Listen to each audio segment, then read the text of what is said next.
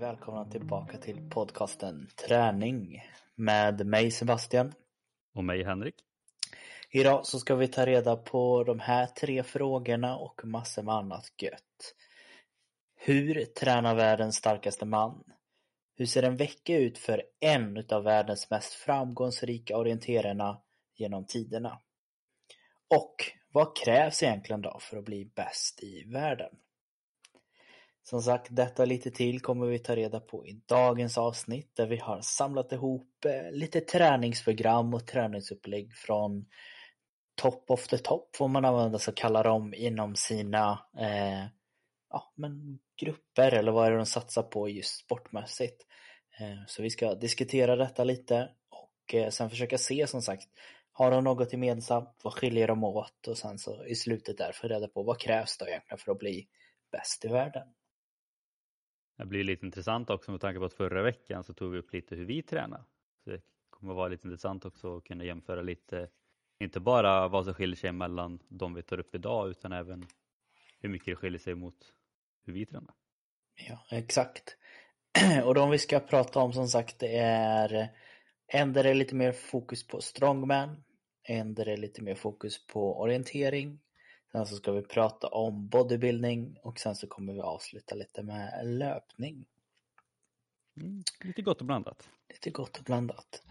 Så jag tänker att vi hoppar in i det direkt och vi ska börja prata lite om eh, världens starkaste man. Half, Haftor Björnsson, eller vissa kan ibland kalla honom för The Mountain. Eh, han eh, är väl känd kanske framförallt ifrån att han är världens starkaste man och har varit det i några år. Eh, han gick senare in på en liten boxningkarriär vet jag som han håller på med nu och testar på lite. Men de som kanske inte riktigt är inne i den sporten kanske känner igen honom från serien Game of Thrones där han spelar en karaktär som heter The Mountain.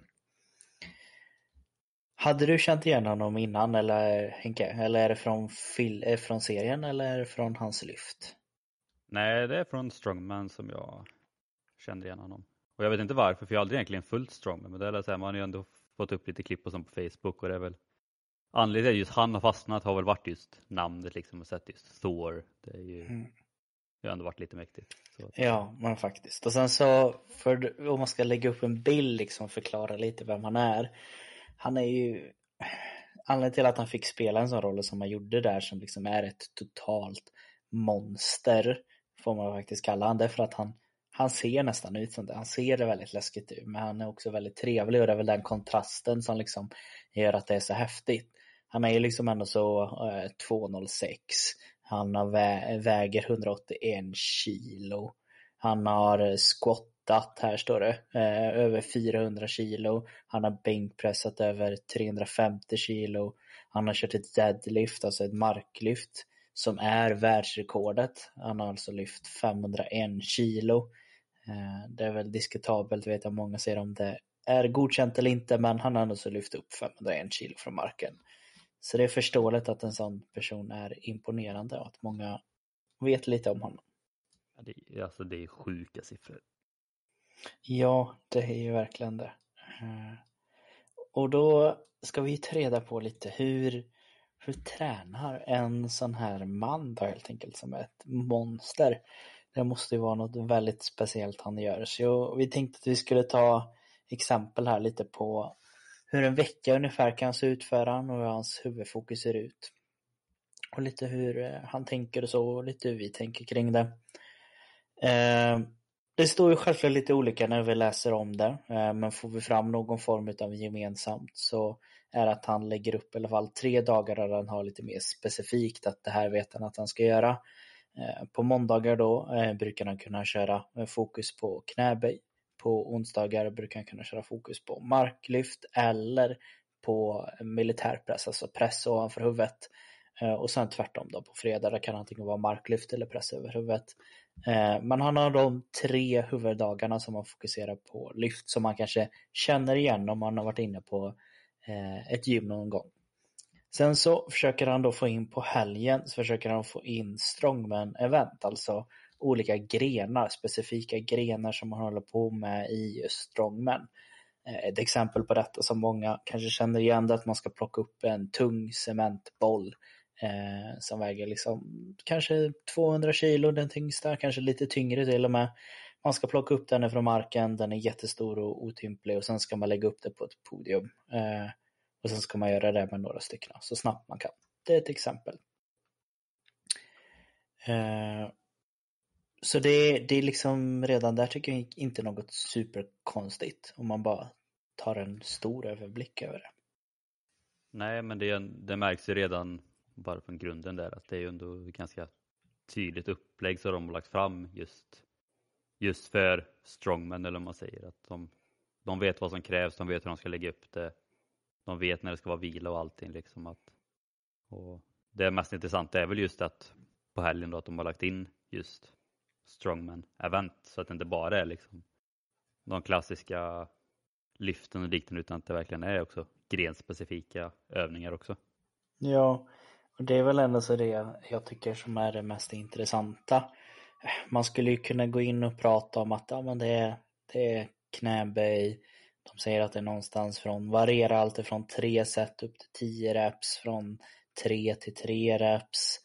Eh, han har även med klassiska drag som liksom power cleans, det är någon form av ryck. Eh, han har med chins, han har med rods, han har med good mornings, front squats olika varianter på de här i sitt program. Eh, men där egentligen skulle jag säga att han i princip tränar som någon som hade velat bli stark vanligt också i gymmet. Det är inte så att han håller på med något superkonstigt utan han har gjort det här så pass länge och pressat sin kropp så pass mycket att han kan till exempel, här som ett exempel, så kör han eh, knäböj 3 sets gånger 2 reps på 290 kilo.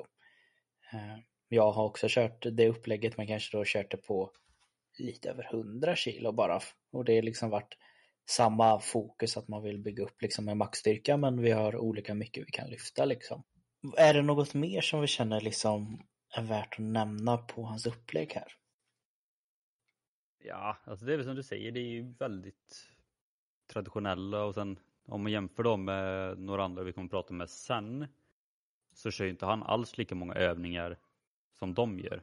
Eh, utan de vi kommer att prata om sen har ju träning nästan varje dag och har ju kör kanske 8-9 övningar per dag liksom. Medan Thor kör, ja, men han kör det som krävs lite känns det som. Han, eh, han, han lägger inte till massa, om vi säger inom situationstecken, onödiga övningar utan som sagt, han vet vad som krävs, eller han och hans tränare vet vad som krävs och det är liksom det han kör. Och Det som jag kanske tycker är ändå lite häftigt är ju att ja, han kör ju till exempel också chins eller chin-ups när han kör tre mm. sets till failure. Och det tycker jag är lite intressant för jag tror att alla som kört chins vet ju att det är en väldigt tung övning. Och mycket hänger liksom på beroende på hur mycket man väger också. Jag menar jag väger inte så jättemycket men jag tycker att chin det är en väldigt tung övning. Och han var så att han vägde 180 kilo. Mm. Han har väl varit tyngre, jag tror han varit uppe ja. på 200 när han har varit som tyngst. Och liksom ändå kör tre sets till failure. Nu vet inte jag hur många, hur många det blir då innan failure, men ändå, alltså det är många kilo att köra shits på. Ja, och det visar väl också lite att jag, jag är ju rätt säker på att många tror att det kan bli väldigt enahandat om man ska bara vara stark på specifika grejer. Men exempel är bara på en av de här strongman-eventen så ska man ju till exempel ja, men, ta upp en sten och kasta den så högt upp man kan och lite snett bakåt. Vilket betyder att hade någon sett någon lyfta upp en sten och sen luta sig så mycket bakåt eh, med en vanlig vikt eller vad som helst då hade ju folk sagt oh det där är livsfarligt liksom för en ryggrad hade de antagligen sagt eller rygg eller så där kan inte kroppen röra sig men grejen är ju, det är ju som vi har pratat tidigare att kroppen är ju ändå så gjord för att röra sig i de, de riktningarna som den kan röra sig på. Sen kanske inte alla är optimala för att kroppen ska vara, hålla så mycket som möjligt. Men det visar ju även här att tydligen så kan man liksom slänga upp några hundra kilo och verkligen kasta sig bak och pressa ryggen så mycket som möjligt. Bara man har varit noga med att göra grundjobbet. Och det är väl det som visar sig just för Tor här att han har väl gjort grundjobbet eh, bättre än någon annan man. Eh, för det är ju folk som har velat vara bättre än han. Det är kanske folk som är bättre än men nu. Men kollar man överlag på strongmen så har de ju de har ju ändå så börjat liksom från grunden. Eh, så som alla som vill bli starka. De, de var på ett vanligt gym. De satte alla grundlyft jättebra. De gjorde det mer och mer och mer och pressade sig mer och mer och mer. Och det är först oftast när man kommer in lite längre fram i tiden i strongman-karriären som man börjar ha möjlighet eller ens motivationen att kunna lägga ner mig på de här mer specifika grenarna som att bära en bil eller dra en lastbil eller marklyfta 20 pers som sitter på ett flak. Det är så här massor med roliga saker men det är i grunden han har liksom gjort mer än någonsin bättre än alla andra. För, I alla fall när han vann då, Strongman.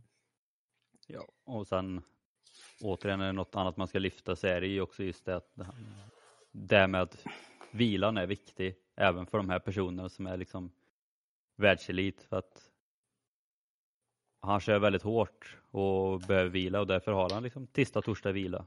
Så att även fast han är, har varit världens starkaste man så har han ändå liksom inlagt två vilodagar. Mm. För att det behövs för att få maximal utdelning av den träning som han gör. Ja, och sen så tror jag också som sagt på alla de vi kommer ta upp idag så man brukar ju säga att det är bara två, två, tre timmar man är på gymmet. Den stora ligger liksom runt omkring och det gör det även för han att för det första, du kan inte bli så stor om du inte äter mängder med mat och du kan inte bli så stor om du bryter ner kroppen. Så det är liksom otroligt mycket kring hans diet och återhämtning som ligger till varför han har kommit hit han är idag. Men idag liksom fokuserar vi framförallt på styrkan och träningsupplägget. Och är det så att man är intresserad av kanske hela hans liv, liksom att hur mycket äter han och hur äter man och hur ska man äta, träna och återhämta sig för att bli bra på strongman. Då är det ju någonting man kan höra av sig och så går vi kanske lite djupare in på någon av de personerna vi tar upp idag. Ja, för liksom dieten är ju nästan ett träningspass i sig. Ja, de flesta brukar väl säga att det, det, det lätta med strongman är att lyfta liksom bilen. Det svåra är att få i sig all mat. Verkligen. Ja, det är inte lite kalorier de ska få i sig. Nej, jag tror de snittar kanske minst liksom 10-100 kalorier per dag och det är minst. De ligger nog ganska mycket över det när de verkligen ska pressa upp sig. Det hade varit intressant att se djupet dyker inom. Mm. Bra. Men nästa person eh, både ser och eh, gör lite andra grejer eh, med sin träning, eller hur Henke? Ja, och nästa då, Tova Alexandersson. Eh, flesta kanske kände igen henne inom just orientering. Hon har ju tagit ja, jag vet inte hur många VM-medaljer, fruktansvärt många. Eh, framförallt då, eh, senast nu under VM 2021 i Tjeckien så skrev hon historia med att ta fem guld i samma mästerskap eh, i samtliga distanser. Det var sprint, sprintstafett, medeldistans, stafett och långdistans. Vilket ingen gjort tidigare. Eh, vilket är helt sinnessjukt egentligen. Men det som är intressant med Tove är att det inte bara är orientering hon är liksom duktig, eller ens världsbäst för att till och med i skidorientering så har hon tagit VM-guld. I skyrunning har hon tagit VM-guld. Och i skidalpinism har hon tagit VM-brons. Så hon har liksom tagit VM-medaljer i fyra olika sporter. Vilket är helt sinnessjukt. Och det är inte så att hon liksom har slutat med en idrott och fortsatt med en annan. Utan orientering så har hon kört hela tiden och sen så, ja. Ibland har hon kört tre idrotter, ibland två och ibland så har hon bytt någon mot den andra. Liksom. Jag skulle väl säga att hon är en av våra, våra mest häftiga idrottare genom tiderna nästan i Sverige. Ja, jag tycker också just det häftigaste är väl det med de eh, självklart resultaten men också att hon har upp en så hög elit eh, på liksom flera olika eh, grejer. Man vet ju bara för vissa är det svårt att hålla uppe eh, i olika grenar liksom som i simning eller sånt. Det är klart att vissa finns som är duktiga på flera liksom längd, olika längder och sånt i simning men oftast är det ju en som de ändå så är i närheten av och liksom vara i topp på. Här snackar vi liksom tre helt olika sporter liksom. Och, och visserligen så kanske det är, ja det är kondition, konditionen är med. Det är den men det är fortfarande rent teknikmässigt och väldigt mycket olika som man måste ha koll på. Ja, den ena är löpning, den andra är mm, liksom med, med skidor på. Skyrunning så är det ju liksom jättehögt upp och allting så att det är ju, ja. ja det är häftigt. Något Eh, man kan veta i alla fall är att konditionen och eh, träningen som man lagt upp måste ju vara bra i alla fall. Ja, det är, det är väl en eh, grundläggande egenskap som krävs för att nå medaljer i de här idrotterna i alla fall. Eh, och en vecka för Tove då eh, kan se ut som följande och det här är en vecka i slutet av november månad. Och det är inte bara att hon kör liksom långa pass utan hon kör ju också väldigt mycket dubbelpass. Så att kommer ni på måndag till exempel så är det förmiddag, kör hon banintervaller på löpning. Eh, 2 gånger 10 gånger 220 meter. Alltså de springer 10 gånger 220 meter två gånger. Så det är förmiddagen, sen eftermiddagen så är det längdskidor i två timmar med ett eh, distanspass då. Lite lugnare. Tisdag, förmiddag, längdskidor, längdskidor tre timmar. Eftermiddag, löpning på stig och grusväg, en och en halv timme. Onsdag, förmiddag, intervaller på längdskidor. Eftermiddag, löpning på stig, väg och snöpuls i terrängen i två timmar. Torsdag, förmiddag, backintervaller, tröskel på stig, 35 minuter intervalltid. Eftermiddag, en timme längdskidor plus en timme löpning på stig och väg. Fredag, vila. Lördag, förmiddag, tävling, skidorientering. Sen har hon lagt in, eh, du kan byta ut mot två timmar snabb skidåkning. Om du inte tävlar. Eftermiddag, löpning på väg och stig en timma. Söndag, tävling, skidorientering. Du kan byta ut mot två timmars intensiv löpning i terräng. Eh, och så har hon lagt med liksom att här är alltså inte gymmet och värme som gäller. Att Tove lever till stor del sitt liv i skogen, även då is och snö slagit klorna i Sverige. Och alla längre pass kör hon utomhus, även under vintern. Intervaller kan hon köra på löpan, men hon skulle aldrig springa längre där. Det är mycket roligare utomhus, eh, tycker hon. Och kort och gott då, när man ser hur en vecka ser ut så inser man ju att det är många timmars träning. Det är långa pass. Och återigen det som många kanske tycker känns bara idiotiskt är ju det här klassiska som även var lite med Nils van der Poel. Eh, Det här med att förmiddag är ja, tävling, skidorientering och sen eftermiddag löpning på väg och stig en timme. Liksom. Mm. Det, för det vet vi diskuterade med Nils van der Poel också, för han kan ju också sätta sig och köra någon timme cykling efter en tävling. Liksom. Det är ju, Ja, men det roligaste exempel är väl när, när, jag vet inte hur mycket medalj det var han vann, men han hade vunnit och alla gick och firade, men han firade genom att dricka champagne sittandes på cykeln och göra Ja. sitt pass klart liksom. exakt. Eh, Och det är bara där ser man vilken mentalitet eh, de här personerna har liksom att det spelar ingen roll. Det här kanske med ursäkter kanske inte riktigt eh, ja, men det stoppar inte de här utan här gör man det man ska göra. Och som sagt, ska man jämföra bara lite kort så som sagt lite mer kondition här, lite mindre styrka då om man jämför med Hafthor. Eh, men återigen då, lite som Nils van der Poel är som Tove kör då, antar jag, för det står inget. Men det är väl just det liksom att istället för att lägga tid på gymmet så lägger man tid på det man känner liksom kommer nytt, alltså, nyttja en bäst i tävlingarna sen. Och när man kör så här långa pass så får man ju fortfarande en muskeluthållighet. Men istället för att köra liksom massa reps i gymmet så kanske man lägger till en timma längdskidor, en timma löpning istället. Så att mindre tid i gymmet och mindre styrka så sett. Även fast man får det samma sak när det kommer backar och sånt så får man också liksom mycket benstyrka. Och ja, det är ju svårt att säga att det här konceptet inte skulle funka med tanke på vilka meriter hon har skördat. Mm. Ja, och det är väl det också som man kan dra just eh, en likhet mellan de här två. Vi kommer fortsätta göra samma, men att det är ju verkligen specifikt. Även om hon håller på med tre olika sporter så är det fortfarande väldigt specifikt för det man vill, bra, vill bli bra på.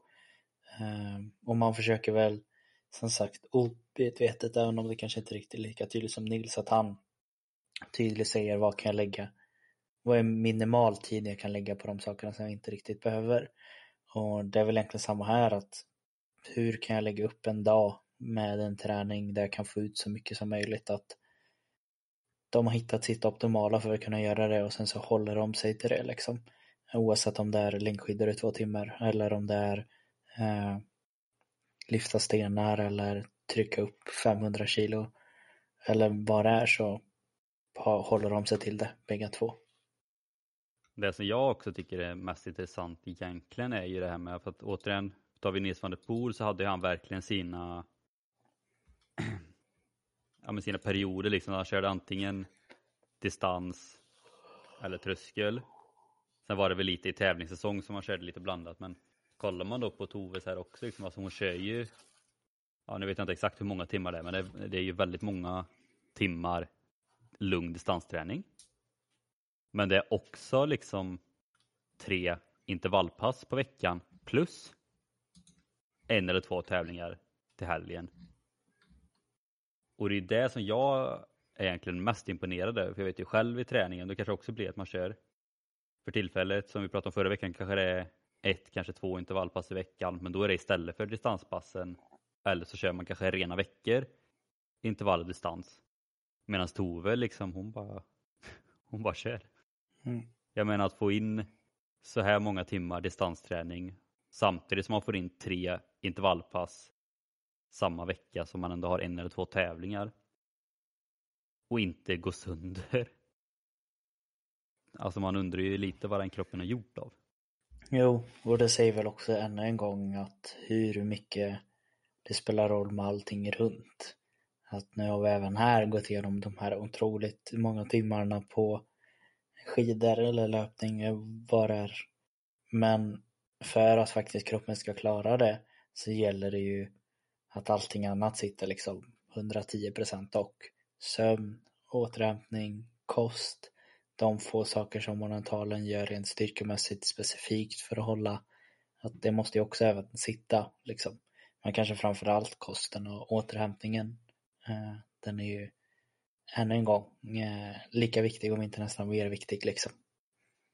Verkligen. Och det är ju återigen, när man är så här bra tränad så blir ju många av de här distanspassen bli återhämtningspass. Mm. Men det ska fortfarande göras och man ska fortfarande komma till den nivån så att man kan ha sådana pass som återhämtningspass utan att det blir en belastning för kroppen. Det stämmer. Bra, men så ser det alltså ut för en av våra mäktigaste atleter här i Sverige. Och om vi då går vidare till eh, nästa, en duo kan vi säga att vi har plockat fram. Ja, eh, vi har väl tagit ihop en duo mellan eh, Chris Bumstead, eller som vissa kanske känner igen han, på Sibam, egentligen bara en förkortning. Och sen så har vi även med, han har gjort så himla mycket grejer den här mannen så jag vet inte riktigt vad man ska säga han, men det är The Rock helt enkelt. Jag tror de flesta känner till det. ja, det är, oavsett om det är ifrån eh, skådespelning eller vad heter det, wrestling, wrestling. WrestleMania. Han har säkert gjort andra saker också, men eh, det är i alla fall mer fokus mer mot eh, bodybuildingshållen, alltså försöka uppnå en fysik där kroppen blir så stor som möjligt eller beroende på vad man fokuserar på, ser så pass bra ut som möjligt för det är ändå så det man tävlar i. Eh, eller helt enkelt bara bli riktigt, riktigt stor och få stora muskler som The Rock har. Eh, och då tänker man säkert att ja, men det borde väl vara samma om man tänker på The Mountain. Han är, han är stor och tung men det kan skilja sig lite och går man in lite då på hur de här grabbarna tränar så ser man redan här att det blir lite annat. Eh, ett väldigt bra mening som jag tyckte Henke sa att eh, från tår var att han eh, höll sig till mycket basic, inte allt för många eh, olika övningar utan man brukar ibland kalla det mycket grundrörelser eller rörelser där man får med många muskler samtidigt. Eh, kommer man in här då så kan man se ett exempel på hur eh, Sibam, eh, Chris, hur han tränar. En vecka så tränar han måndag, eh, tränar han rygg. Tisdag så tränar han eh, bröst, biceps. Eh, på onsdag tränar han hamstring eh, med fokus på glut också, alltså baksida lårben. Torsdag tränar han eh, axlar och triceps. På fredag så tränar han ben men med fokus på framsida lår. På söndag, lördag, söndag så vilar han eh, och försöker bara mer återhämta sig. Eh, jag vet även att han gjort ett klassiskt bro-split har han sagt. Han har gjort eh, klassisk push-pull, legs-pass, han har kört lite olika. Men det som är intressant här är ju som sagt kanske mer själva hur många övningar han gör per muskelgrupp. Då. som man tänker bara ett exempel där på måndags eh, ryggpasset så kör han sju styckna olika övningar enbart för ryggen. Och det är som sagt, det beror på hur man ser det. Eh, tänker man bara rygg som en muskel, då låter sju väldigt mycket. Men det som kanske är väldigt speciellt här, det är att i den här formen av träningsfokus så har man en förståelse och även en vilja av att verkligen maximera varenda del utav eh, ryggen, alltså alla de muskler som sitter på ryggen. Det är inte bara en ryggmuskel utan vi har, vi har rätt många. Och han, han tränar väl kanske inte alla specifikt, men han får med väldigt många. Ja, och det är väl det som är en stor skillnad, att de, de fokuserar mer på ja, men, de mindre musklerna eller så här, musklerna för sig medan Thor kanske fokuserar mer på allt i ett eller vad man säger. Ja, Eh, och det är väl det att kunna ha en förståelse över hur, hur många muskler man har och kanske lite mer vad det är man vill fokusera på. Det är väl det oftast det som blir det specifika när man går in just med på bodybuildingshållet. Eh, och det som kanske är, jag får väl nästan säga att det måste väl vara en av de största fokuserna för många som börjar på gymmet kanske är mer att följa efter någon, ofta som man kallar dem fitness influencer, som håller på just med det här och sen så får, vill man ha ett program exakt som den för man vill se ut exakt som den. Och det som är det svåra här är ju att när man går in och jobbar så specifikt som de gör att de kan liksom jobba på exempel exempel på Chris där, att han jobbar en dag där det är enbart fokus på framsida lår och en dag jobbar där det är enbart fokus på baksida lår. Eh, och det gör man ju för att det ska passa ens egna kropp så mycket som möjligt. Eh, för att kunna få bäst resultat liksom. Och det kan ju skilja sig då på vissa vet jag har säger att de kanske har genetik för att nej jag behöver bara träna bröst en gång i veckan. Men rygg behöver jag träna två gånger i veckan så jag lägger mer fokus på ryggen eller tvärtom att det blir så extremt enskilt fokus på när man vill uppnå just en speciell fysik då. Sen också någonting som jag reagerar lite på är också det här med att det känns i alla fall som att de mer som fokuserar mer på bodybuilding eller man säger, de kör ju mer reps än vad till exempel eh, Hafthor gjorde. Mm. Eh, Rätt Hafthor, så mycket mer reps. Ja, för Hafthor körde kanske liksom men, 10-5-3, 10-8-5 och liknande. Tar man eh, The Rock så är det liksom det är allt, allt från 10 upp till 25 liksom. Och det är ju rätt stor skillnad. Men det är också som vi pratade om lite tidigare, just det här med vad, ja, vad olika reps gör, just det här med mer muskelstorlek kontra muskelstyrka och liknande. Ja, det är, det är ju verkligen fokus på bara bygga muskler här.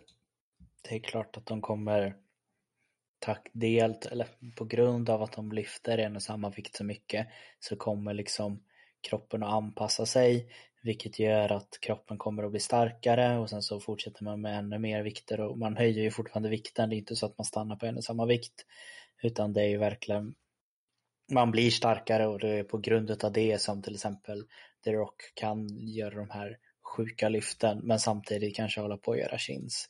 Samma som man säger att eh, folk brukar alltid fråga vet jag i många av frågeställningar just till Chris att hur, hur har du kommit upp och blivit så stark och kan reppa på den här vikten? Eh, gick du på maxstyrka först eller vad du gjorde?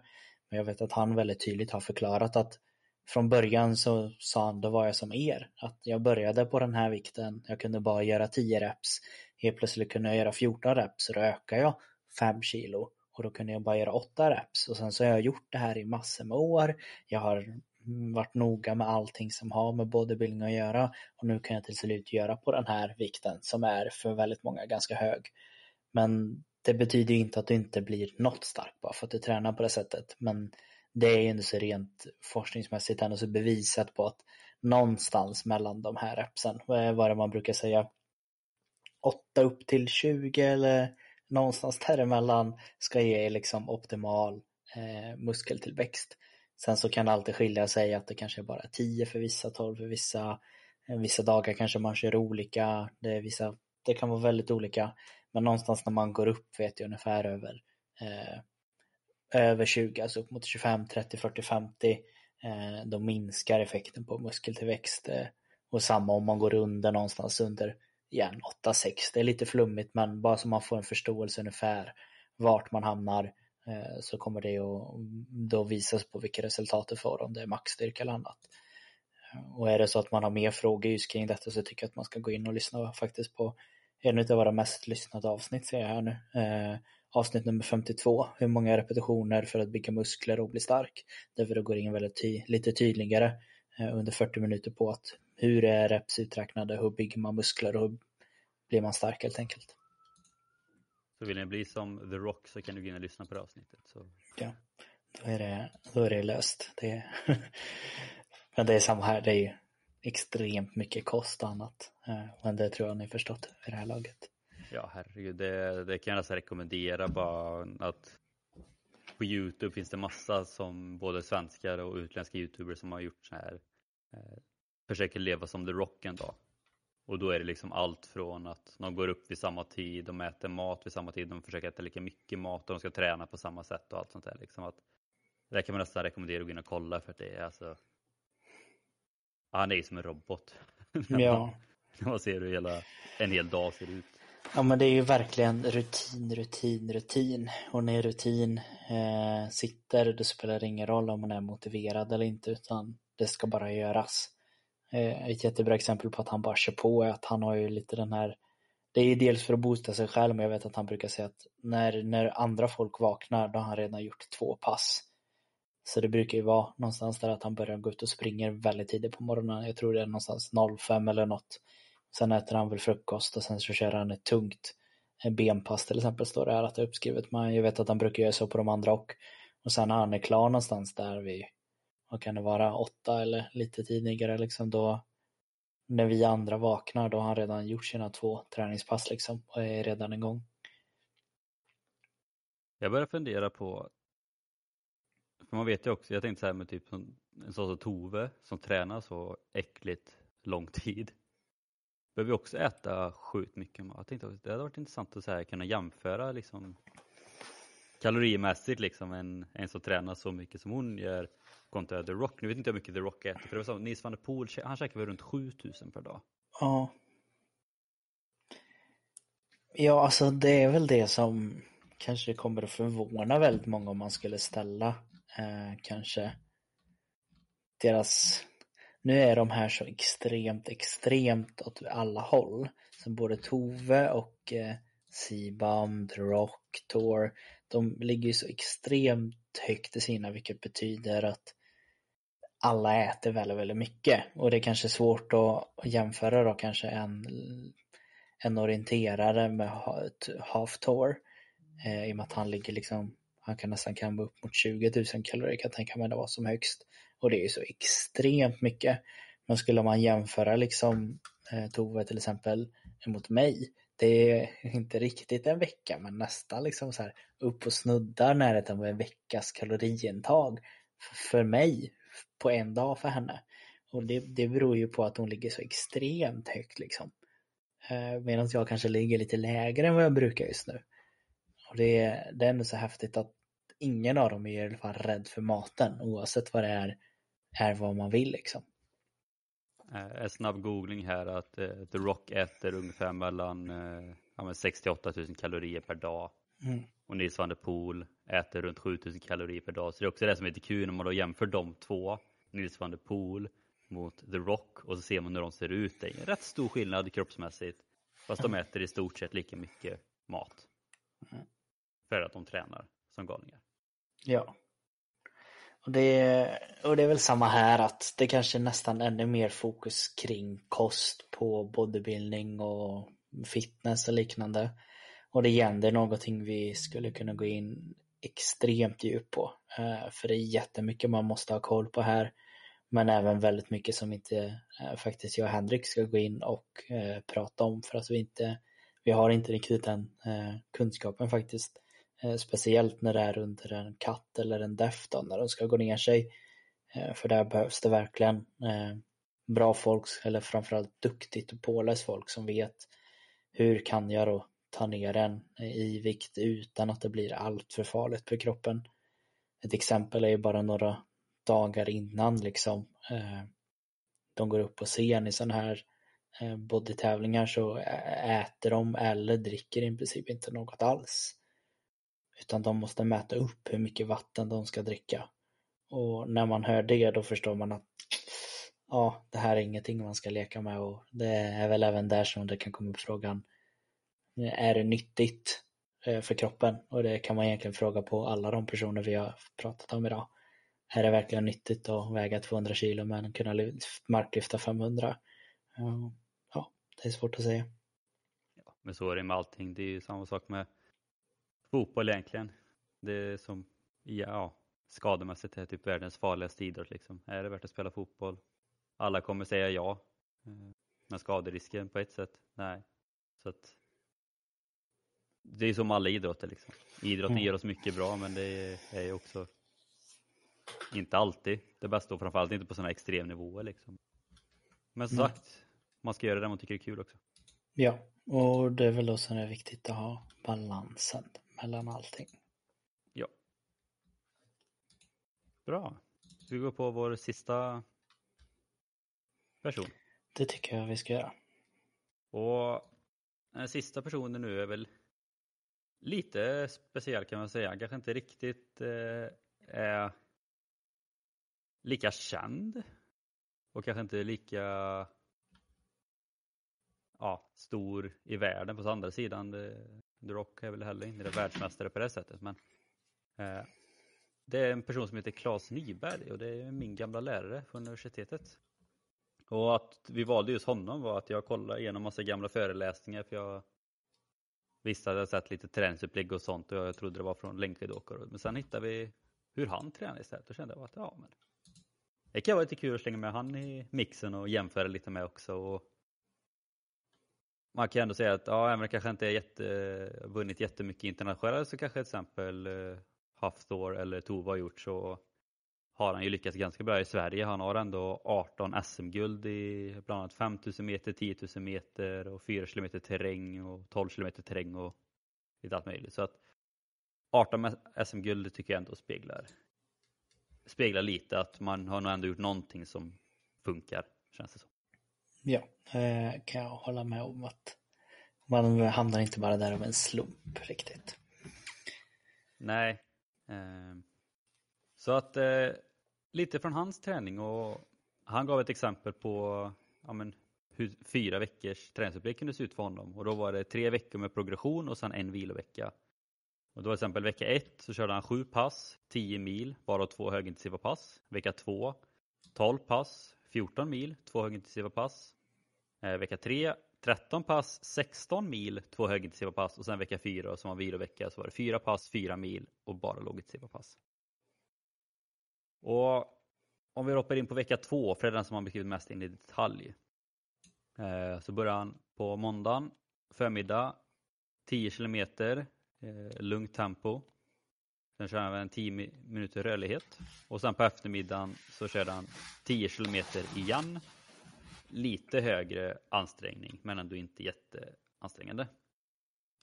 Tisdag återigen 10 kilometer lugnt på eftermiddagen 10 minuters uppvärmning. Sen kör han 25 gånger 400 meter med 30 sekunders vila. Och 10 minuter nedvarvning. Och här ska det vara ansträngande till mycket ansträngning. Och jag känner också bara, alltså, för er som har sprungit 400 meters intervaller, det är inte det roligaste. Och sen springer 25 stycken. Det, Nej, det, det är inte lätt. Alltså det, det är ändå så på den distansen att det är inte så pass långt att man skulle kunna spara sig lite. Så som man kanske tänker om man springer en kilometer. Då förstår man kanske att ja, här kan inte jag ligga 100% hela tiden. Utan för, och inte heller så kort att man bara kan liksom bara, jag tar ut mig några steg här. Utan här är det 400 är ju verkligen, uh, man kan ju verkligen hålla nästan 100% hela tiden om man ska göra det. Om man vill bli duktig i det. Och det är väl det som är fokus även på de här intervallerna liksom.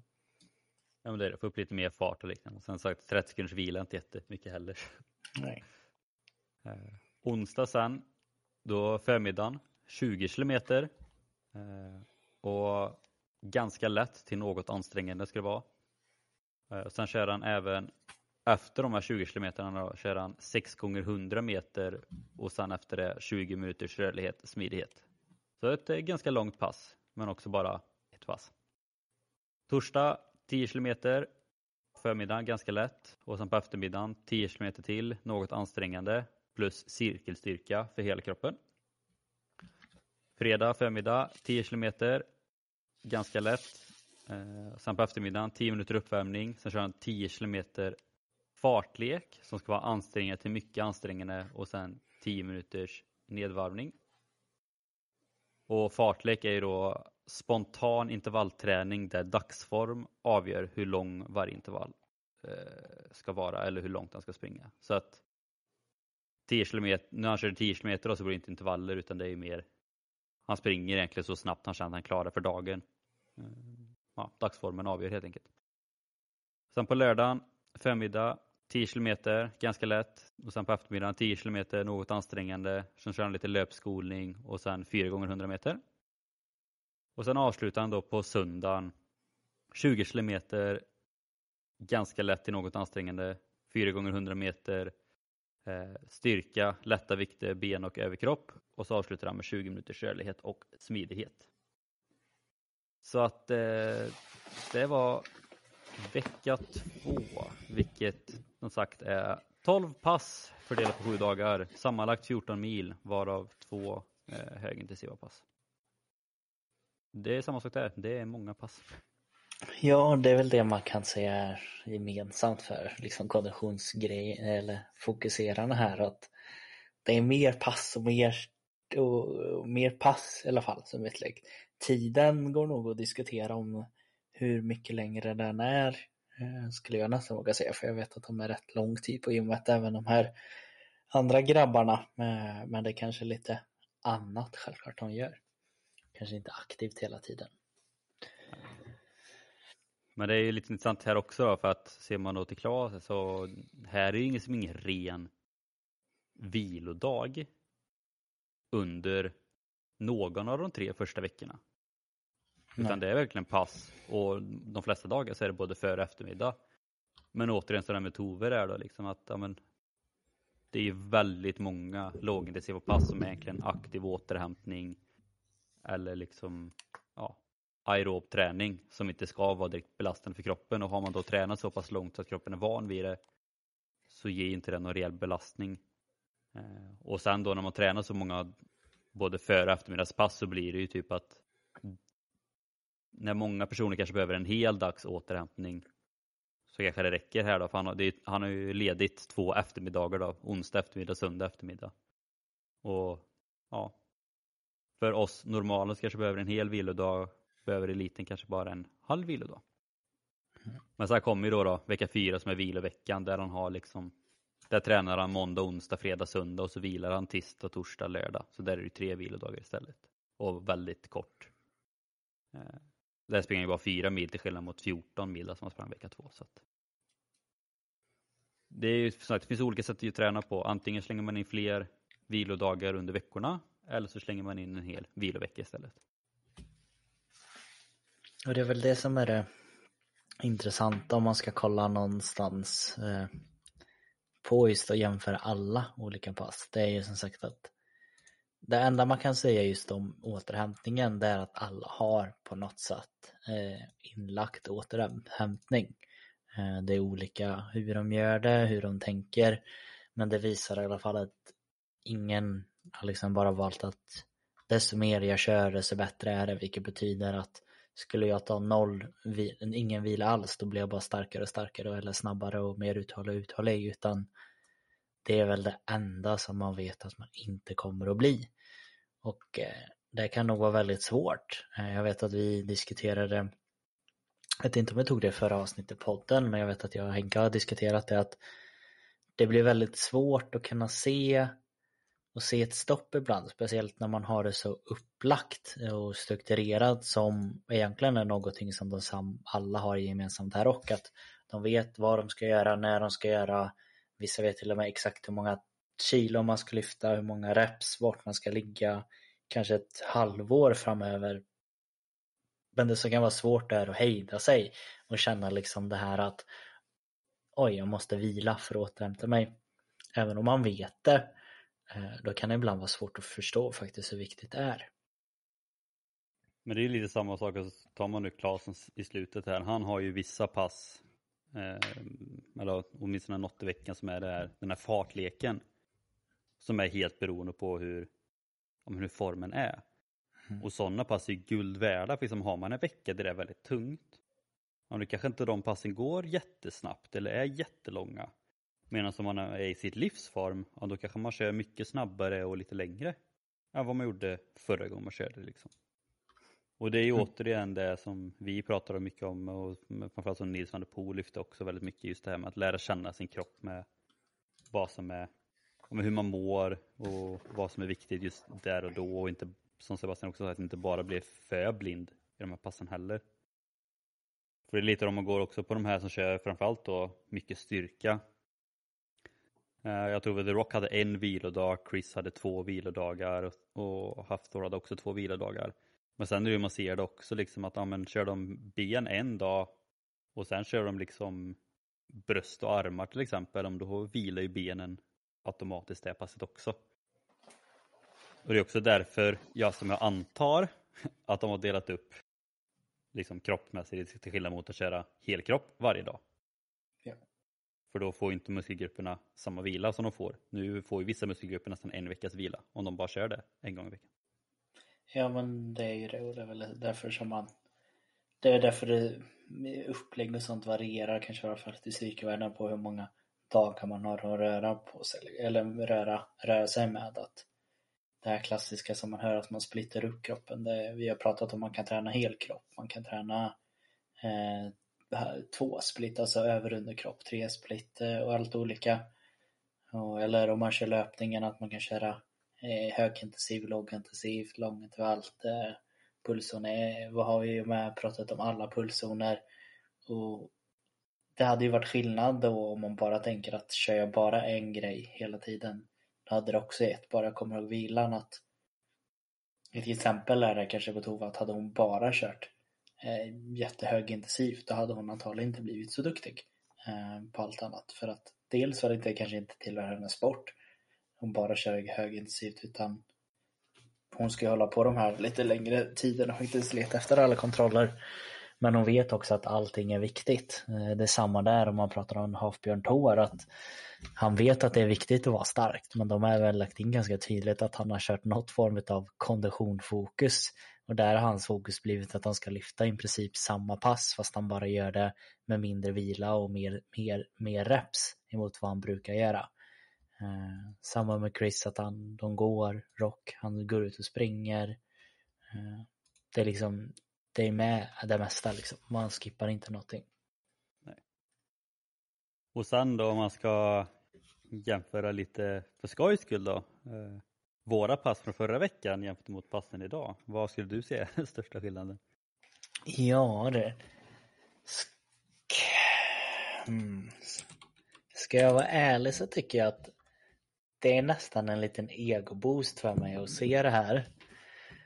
För dels är det kanske att vi inte gått så djupt in på deras. Men man tycker ändå så att man inte ligger, ligger helt ute liksom och vet inte alls vad man gör tycker jag. Utan det är ändå så på något sätt samma att man, man har med det man vill bli bra på. Det är det de andra har gjort dock. Eh, I alla fall för min del att jag vill bli specifikt bra just nu Jag är ändå så huvudmålet dels så må bra, eh, gå ner lite i vikt och eh, bli, vara färdig för Vasaloppet och då har jag valt ut vilka delar där jag behöver jobba på och det är det jag jobbar med. Eh, självklart är mängden, där skiljer det sig emot alla i och med att kanske mina mål ligger någonstans emellan många utav dem. Att det är både lite ifrån Tove och det är lite ifrån Sibam och det är lite från Hafbjörn Tor. Och då betyder det att det är vissa saker som kanske inte får optimalt fokus. Och det har jag ju vetat om men det är också någonting man har valt upp ska liksom väga ut. Eh, jag pratade om det sist att jag vet att jag kanske borde dra ner på styrkepassen och inte göra lika många så specifikt men för min del ökar det min motivation. Eh, så jag tycker ändå det känns som att man är ganska bra på track. Eh, man visar ändå så att förhoppningsvis kan man kanske ändra programmet lite i slutet och få det här som de, de andra som Tovare till exempel. Och, eh, och kunna få in att vilan är mer den aktiva. Att det är kanske någonting jag kan faktiskt eh, byta och ändra om lite och kanske lägga till något extra dubbelpass på för att kunna just få med mängdträningen på ett enklare sätt helt enkelt. Jag håller med. Alltså uppläggsmässigt så är det ju inte jätteolika. Det är ju egentligen bara vad man fokuserar mest på mm. egentligen. Utan det är ju som du säger, den, den största skillnaden är ju verkligen volymen. Det är ju, mm. Och det är inte konstigt, alltså om man jämför med vad våra mål är kontra vad deras mål är. Liksom. Det är ju det är inte konstigt. Nej, faktiskt inte. Det, vad jag tänkte säga så här när man satt och kollade, bara, men det är några dagar vi ligger ungefär, det är samma två timmars distanspass, det är intervaller med. Men sen så är det att jag liksom har någon dag det liksom kan vara kunna digga lite för dem. Eh, samma med styrkan, men jag ligger ju också där och tränar armar, men det gör de varje vecka, varje månad. Mm. Och sen att men, även, om man, även fast man ligger samma man att då har de fortfarande ett eftermiddagspass plus det också. Ja. Men det, jag tycker det också visar ganska tydligt det jag pratade lite om på Tor att grunden har gjorts väldigt bra för dem så att de kan komma upp och ligga där de gör nu.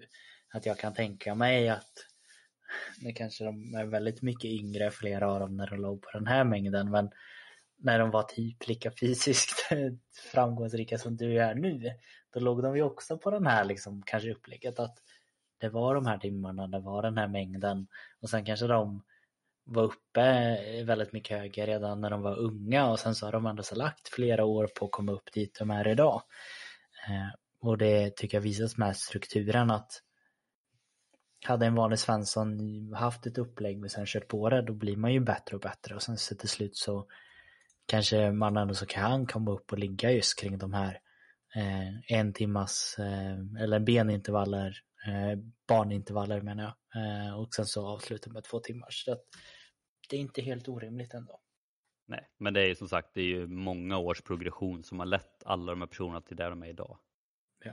Det är inte bara så att de har börjat och sen nyligen och sen bara är de där eller att de har börjat med samma träningsschema fast med lättare vikt utan alltså det är många års tid och kraft och träning som har lett dem dit de är idag för att de ska kunna ligga på den brutala nivån som de ändå ligger på. Ja, det är nog så världseliten att de, de har legat liksom gjort grunden jättebra och sen så att de aldrig har slutat göra grunden och sen byggt på grunden tills att de är top of the top. Det är ändå så slitgöran som måste göras till slut. Så är det. Ja, där har vi väl egentligen fått eh, säga det vi vill och få med. Eh, det jag vill passa på att säga nu då, det är att eh, tycker man eh, att några av de här träningsuppläggen låter intressant och man hade velat kanske testa på det själv eller få inspiration ifrån det. Då är tanken här att vi kommer lägga ut deras pass på våran Instagram och då får man helt enkelt klicka sig in till ett Traning Podcast. Eh, gå in och kika där och dels lägga att man följer oss som sagt så man inte missar nästa gång vi lägger upp något sånt roligt. Men sen så är det bara att som sagt att leta sig fram där, klicka sig fram på lite händelser och lite annat för att få uppläggen för att ge dig möjligheten kanske till att bli eh, nästa världens starkaste person eller kanske försöka slå Tovara och få lite mer VM-guld eller vem vet. Det, det är ju upp till dig som sagt. Så är det. Och glömmer vi att lägga upp någonting på Instagram så skriv och skäll på oss. Ja, det får du väldigt gärna göra.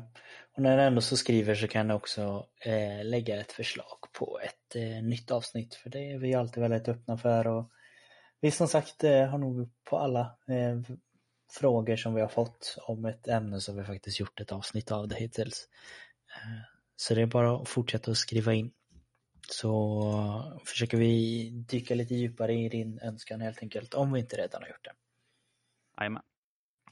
Bra, annars är det väl som med de orden så vanligt så tackar vi för oss och eh, vi hörs nästa vecka helt enkelt. Det gör vi. Ha det gott.